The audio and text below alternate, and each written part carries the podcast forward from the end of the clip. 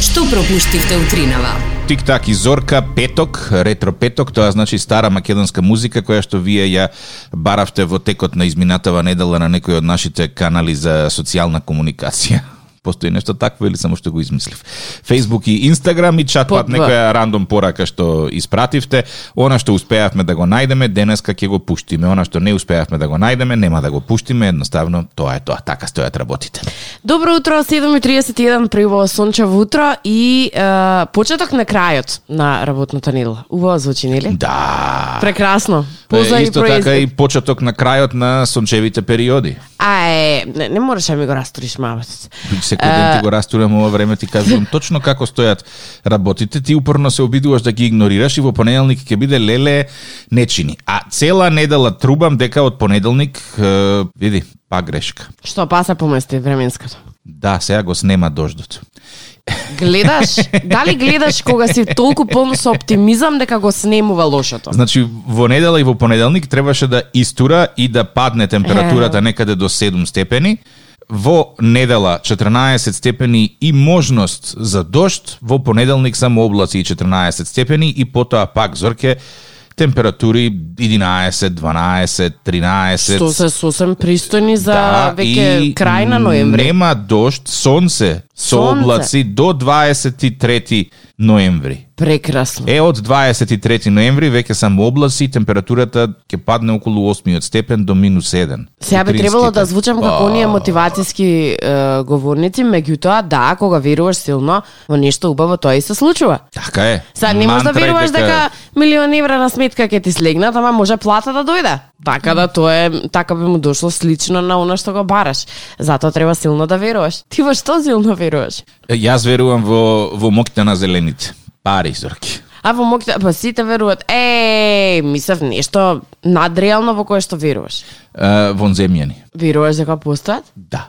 Може би, Имам не во, еден- може би не во онаа форма која што ни ја прикажуваат на телевизија, меѓутоа ние да бидеме единствени, свесни, развиени видови во оволкава галаксија и уште кој знае колку пошироки простори надвор од нашата галаксија некако не ми е за верување. Има еден е, пријател со кој што сакам да те запознам, живее во Штип, има многу познавање на оваа тема и верувам дека ќе си најдете заеднички муабет. Петок. Сонце денес, сонце во наредните денови, сонце след, цела следна недела. И нешто во кое што веруваме, а кои што можеби не се реални. Ама одбираме да веруваме во нив. Е, веруваме и во нешто што дефинитивно не прави постар, е, бидејќи јас сум нели веќе во, во втората половина на, на животот, се ближам и кон третата третина полека. Полека е, ти направив една листа на работи кои што ќе ти помогнат е, да ги пребродиш тие почетоци на третото доба зорке или народски кажано како да препознаеш дека старееш за некои си 5-6 минути на Радио 2. Остани тука.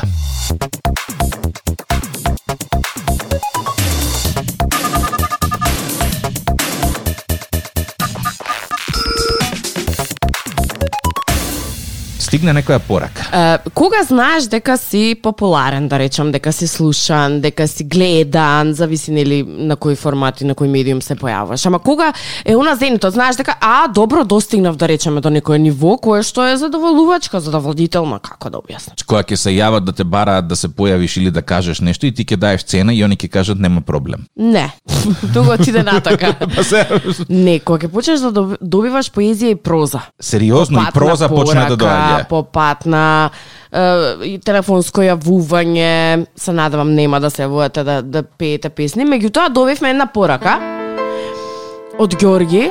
Многу ти благодариме. Вчера во 9.39 имал наплет, веројатно, и, и размислувал за нашата емисија. Не знам зошто. Сакаш ти или јас? Ај ти, подобро ќе го изреализираш. Во последно време станувате интересни ко фармерки тесни. Ај после ќе анализираме. Толку сте бесни. Корона не е, ама нешто во умот ви се мати. Емисијата во реалност да ви се врати. Сандокан, херој стана. Тик-так спонзори нема. Се плашам, емисијата ќе ја снема. Три точки. Види, ај вака да раскрстиме поради спонзори, нема да не снема, може да не снема само ако се смени нешто драстично, иако еве 11 години веќе пливаме низ се ова. Е, Друго прашање за авторот, зошто мислиш дека фармерки тесни се Интересни. интересни? А, чекај, интересни тој што ги носи или тој што ги гледа? Тука имаш две различни видувања и ја би сакала тоа да, да ни го разглоби некој. И имаше уште едно прашање што тамо ме... А, бесни, а, толку сте бесни, корона не е, ама нешто во умот да. ви се мати. од кај знаеш дека ми се мати во умот, пријател? Па веројатно со годините си доаѓа тоа губење на рамнотежа, ама не сум сигурна. е, е, кога ги спомна годините, Добро? е, знаеш дека постојат одредени работи кои што те категоризираат во одредена возрастна група. И јас, како припадник на трето доба веќе, нели многу лошо звучи, Многу за... Е, барав начин е, да се активирам волонтерски на, на некое поле и право да ти кажам, мислам дека најдов каде ќе биде тоа. Када? Е, На, во полето на третото доба. Меѓутоа, е, ќе работам од пет ни жили да го сменам тој термин трето доба. И како ќе биде? Види, возрастни звучи многу поубаво. Дури и стари Не. звучи поубаво од трето доба. Не. Трето доба ми е нешто како од научно фантастичен филм излезено, некако не знам, ми дава некоја језа во призвукот и сега кај тик-так ти влегуваш во трето доба. Као, ај, пубертет, климактериум, Демек, трето ама, доба. Знаеш што сакам да ти кажам, вака ова се- сега ќе биде критика и ќе си го прифатиш колега, извини. Тебе демек не ти смета тоа што влегуваш во трето доба, ама многу ти смета. Не, не, не, мене не ми смета тоа што влегувам во трето Ама доба. те Ми чешка, смета, ми те смета боцка. името трето доба. Ама и те боцка малце годината сега, да бидеме реални. Не боцка годината, шилци боцкаат. Сега Тоа е да добро бидеме да уште пореални. Сакам да кажам дека не, не ти е се едно. Не, дефинитивно. То ти е исто како јас кога се помирив со фактот дека 30 имам. До 20 и нешто. Ама не, знаеш што? Јас да ти ги имам Не е че до 30-те години. Чедо, не е до 30-та година, него до 29 да речеме, некако дозволено е да правиш глупости, ај бе 20 има. Кога ја напуниш 30 веќе, не знам, без веза е да правиш глупости, мора да, с- да станеш сериозен преку ноќ. И тука е проблемот. На 40 уште посериозен. На 50 веќе треба да си мудар. Ако не си мудар има проблем. Види, тоа е дел од работите, а дел од работите и јас ги издефинирав со тек на, на време, изминативе 5 години. Спремен? Е, спремен сум, значи прва и основна работа да знаеш дека наближуваш кон трето доба, е, собственик си на пиджами. Јас сум собственик на пижами. Ама е, во трето доба и ги користиш. Аха, добро. Друга работа. Е, Дефинитивно си во трето доба ако е, саксиското цвеќе ти преживува. Да. така? Ме ја изгледна кај трета одам. Така, е, во трето доба си ако имаш повеќе од едно пиво у фрижидер. Добро. Држи во да така. Е, Во трето доба си ако 6 наутро е часот кога се будиш, а не кога си легнуваш. Да. Гледам за дека ти си на пат кон трето доба. Трето доба е која ќе ја чуеш омилената песна у лифт додека се возиш негде. у трето доба си која вино од 300 денари го сметав за ѓубра. Да. Леле, леле. Леле, Не читај леле веќе. работава, нели? Не читај веќе, та молам, не размислувај. А, ти ти дојде ти- Сакаш да ми кажеш дека овие се признаци на старење Да, ова се предзнаци на старење. И потоа работата само се се разврзува. и се развлекува. И станува се посериозна и посериозна со годините. До 101 и назад. Добро О-о. утро, повели. Добро утро. Повелете. Слушам дека за трето доба се зборува. Да, господи, јас ќе ве замолам тоа трето доба, е, мене толку навредливо ми звучи, и јас морам да да најдам начин тоа истото да се смени. Па Се- може, на пример, во зрело доба, еве, Еј, тоа се зрело доба, употребува, не ми е се допаѓа. така. Не, па сега зрело доба е некаде околу 40, ова друго веќе еднак е подрасипување му доаѓа. Е, ајде, жолто на кај кафеаво доба, ако идеме у бој, па некако. Добро, држи вода и, и вашето пред залезот на А сонцето. инак, за пижами партии, е, мислам, со одветен изразот, сите сме ве у пижами партии. Мгм.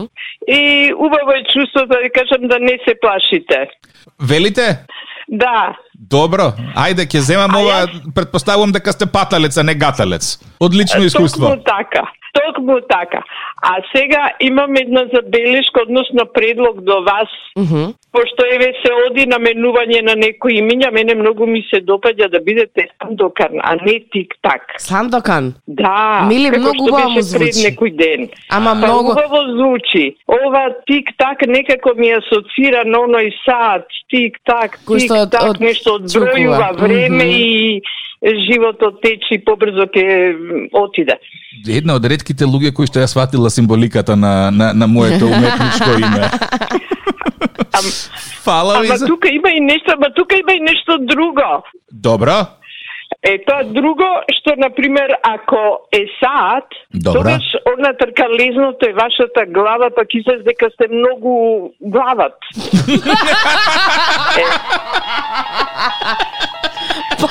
Па, господа, не сте далеко сега од овие вистината. скандалките, скандалките пак па ќе дојдат дали ви се раце или нозе, не знам како изгледате, па смешно ми доаѓа да ве замислам, ако се нозе поготово. Да Изгледам како она чика глиша, знаете како го цртаа на времето? Ау, знам. Е, па така, отприлика. Тачка, црта, цртица, добро. Е, сега има една друга подваријанта. Ајде.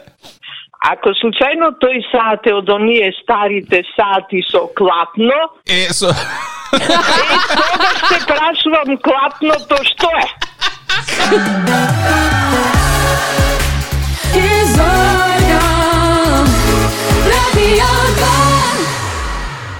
Разговаравме на тема трето доба, а, а одејки наназад од е, трето доба се спуштаме некаде на 40-тите години од животот, кои што според експертите за живот се најдобрите години, затоа што во тој период Зорке доаѓаш до некои е, сознанија кои што ти ја До 40-тата, менуваат да. иднината. Да. Не ги разгледуваш работите така. Има 4, 5 работи кои што се приоритетни, а мораш да ги направиш во 40-тите години. Ајде. Да стаеш на очери за гледање од блиску. Потреба е Шега. едноставно. Не, на, во 40-тите е, сваќаш и, и знаеш е, дека треба да игнорираш тоа што луѓето го мислат за тебе. Веќе не се замараш. Па има една народна која што вели јас ги сакам сите луѓе. Некои луѓе ги сакам да ги игнорирам, некои луѓе сакам да ги избегнувам, некои луѓе сакам да ги гледам. Така што верувам дека на накај 40-тата веќе го имаш добро разработено тој систем. Е, Кои луѓе како ги сакаш, на пример. Добро, држи вода. Да. И е, ова се надоврзува на следното. Е, стануваш свесен дека не сите лица што ќе ги запознаеш ти се допаѓаат и дека тоа е пропорционално, дека не секој што ќе те запознае ќе има високо или добро мислење за тебе, едноставно, и... различни луѓе, различни табиети. И знаеш што е многу важно во сето тоа. Што? Знаеш дека одредени луѓе не те сакаат и баш ти е гајле. Е па тие две се така Да, взаимно, взаимно Тука се поврзани. некаде испреплетени се. Е, ова следново, е, ако не си го практикувал до 40-та, дефинитивно почнуваш да го практикуваш во 40-та. Да погодам. Носиш влечки. Па, од прилика Блиско сум. млакичко, Леле. да, Добро. носењето влечки е една од работите, е, Зорке ти чуе за мода, не те интересира. А, да.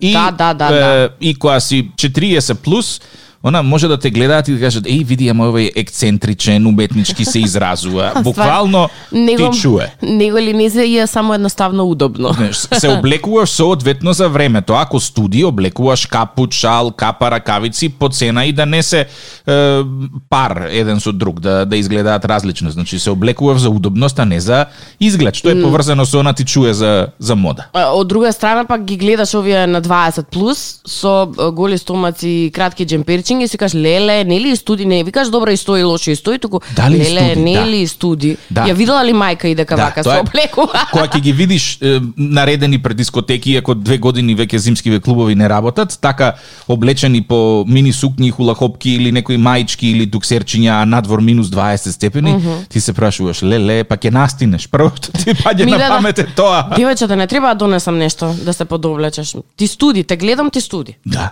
И е, последната битна работа, е, по тука некаде во 40-тата, престануваш да се секираш за тоа колку тежиш, едноставно фармерките ти се најмеродавен е, инструмент мерен, доколку те затегаат во струкот, почнуваш да се преправаш дека одиш брзо, дека трчаш, дека се движиш пешки и почнуваш да јадеш малку помалку. Во моментот кога ќе пуштат фармерките во струкот, се враќаш на Добро она е, да, можеш стандардното да се и велиш опуштиш. тоа е тоа, нема тука бегање. Или едноставно фармерките ги заменуваш со нешто покомотно. Се вратиме на правило број 3.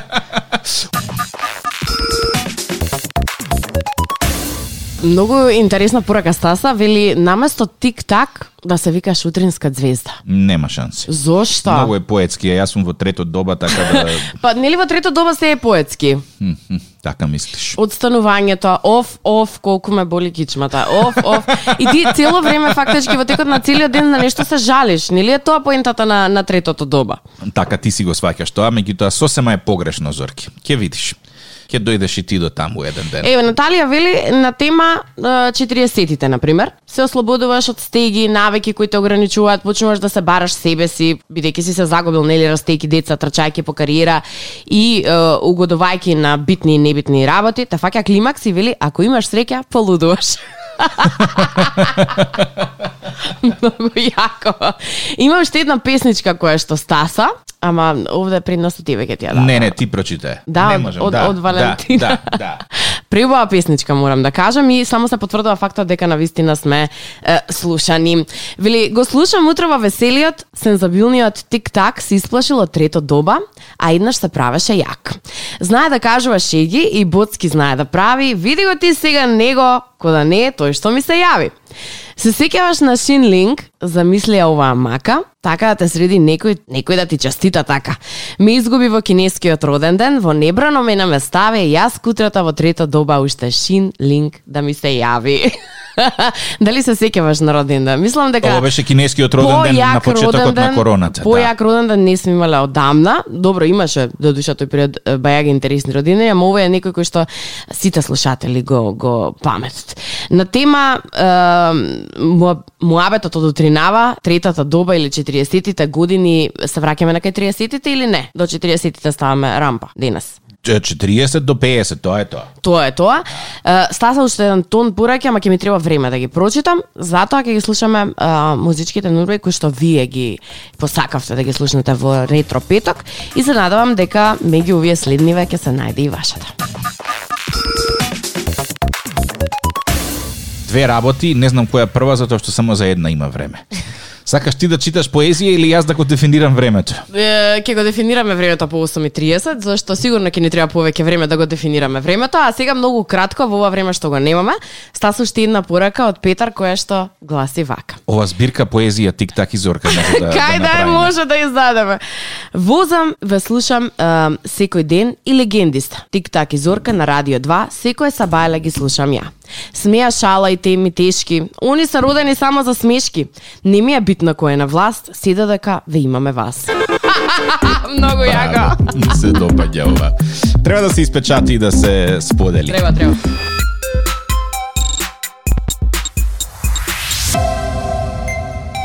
Она што ми се потврди како момент беше дека да, со 40-тите години и 50-тите години на вистина се променуваат вашите приоритети. И е, утрово имав еден одличен пример од мојот колега Тик Так, кој што видно возбуден дојде да ми објасни дека има попуст на некои витамини. Наместо, на пример, јас, која што би се потресла ако има попуст на некој патики или на некоја јакна. Се менуваат приоритетите, некако почнуваш да размислуваш за други работи, меѓутоа она што останува во душата е, е таа некоја ведрина која што ние како македонски народ си ја носиме во нас и едноставно не можеш да избегаш преку тоа.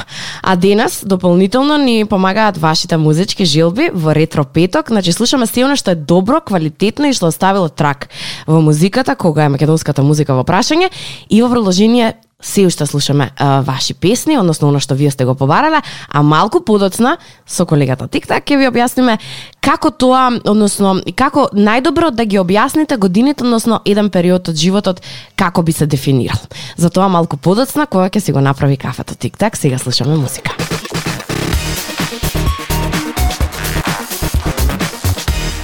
утринава некако тргна дискусијата на кај трето доба и 40-тите како најзрелите години во животот, а и ти имаш мислење повели. Значи, после 40-тата година, е, човекот сваќа дека му се отвараат очите, почнува да, да сваќа дека ние всушност не гледаме со очите. Туку?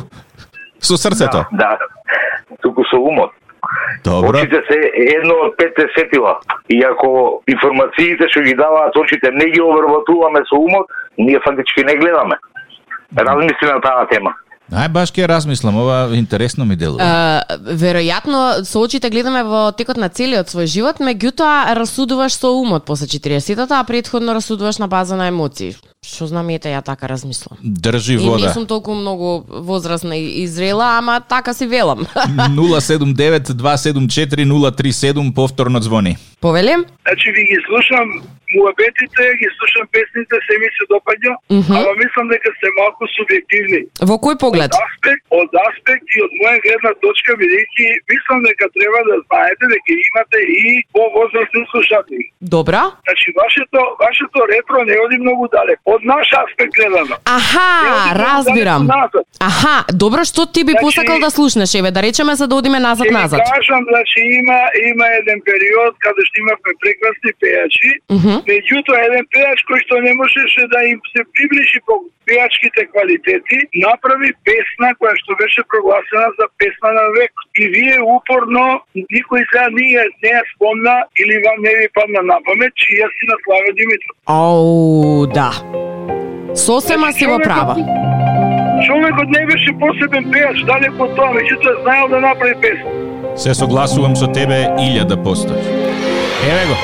Ти побара, а ние веднаш пуштивме. Остваривме. Славе Димитров, чија си ретро петок 8:52 11 12 ноември ова е Радио 2. Добро утро.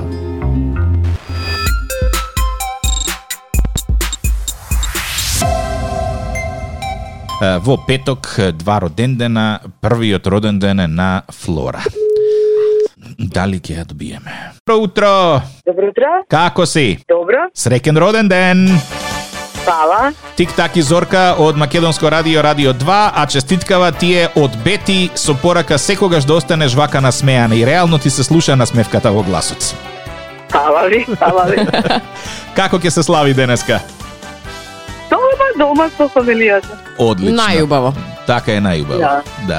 Да, да. Не, не навлагам во, во годините, јас и Зорка утринава дебатиравме трето доба, 40 и едно друго трето. Не. Неќам да те плашам ако не си тргнала Не натаму. звучи госпоѓата. Воопшто дека има нешто од наведеното. Добро си, Зорке. Ај, Да, фала ви. Фала Да. ви. Одлично.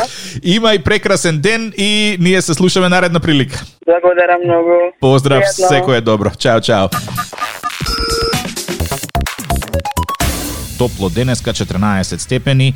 Е, Добра работа е што времето ќе остане вакво во текот на викендот до понеделник, од понеделник за ладување. Добро утро. Добро утро. Повели. За ретро музиката може ли Кичо Слабинец летај ми летај? Ајде. Примена порачка. Црно-бела, си- црна, црно-бела. Иначе за е, трето доба на 40 или 40 плюс, Добро. во еден разговор со еден психолог, вика, луѓето кои ќе предат во тие години стануваат се посебични. Пријатно. Поздрав и во право е психологот. Некои луѓе стануваат посебични. Па, Многу луѓе стануваат, не би рекла некој. Мораш да се гледаш е, себе си. Столај, молим те, од е, Кичо Слабинац, е, летај, летај, е, песничката. Врти ме. А, Добро. Пака Така си шепкаме, мислиш, не не слушаат у програма. па така ти мислиш. Па си мислам. Па јас се мислам кога се шекаме дека никој не не слуша. Ало, Ало, добро утро, како сте? добро утро. Добри? Добар. Гужва некоја да не има. Да не... така е. Кажи? Случајно се има гужва, да. А, бе, немој случајно намерно. А, знаеш ли со кого говориш? Па, па треба да е, тик так. Треба да е. И е, тик-так. Среќен Значи- роден ден. А, Uh, утре. Знам дека е Знаеме. утре. Е, знаеме и дека минатата година ти беше 55-ти јубилеен, знаеме и дека не ти фрлија журка, знаеме дека ти се скрши кефот ради тоа, па викаме ај оваа година малце да те развеселиме еден ден однапред. И не за друго утре не работиме. Да, познаве, затоа што најам Милено радио и нон-стоп го слушам. Фала ти Многу ми е многу. драго. Ова што доаѓа од штипљане спосебно ми го прави кефот. Да, да. Чestitkava ти е од Верче и од Ирена. Ле, ле, браво. Тоа е жена ми и керка. ми. Да. Да. Како ќе славиш денеска? Утре е. Е, Добро де е Како утре. ке славиш? па ти слави си два дена, што? Со продолжеток. На, Да. Ивкова слава, зошто? и Три утре. дена. Да, да, па ќе видите, укругу на семејството со пријател. Супер. Баш ми е драго. да Убаво да си поминете, секое добро и се слушаме следна прилика. Да, фала ви многу, да сте живи и здрави и што поубава емисија понатак. Е, фала, ќе се потрудиме од Фала. петни жили да го направиме тоа. Еј, многу си израдува човекот, баш ми е драго.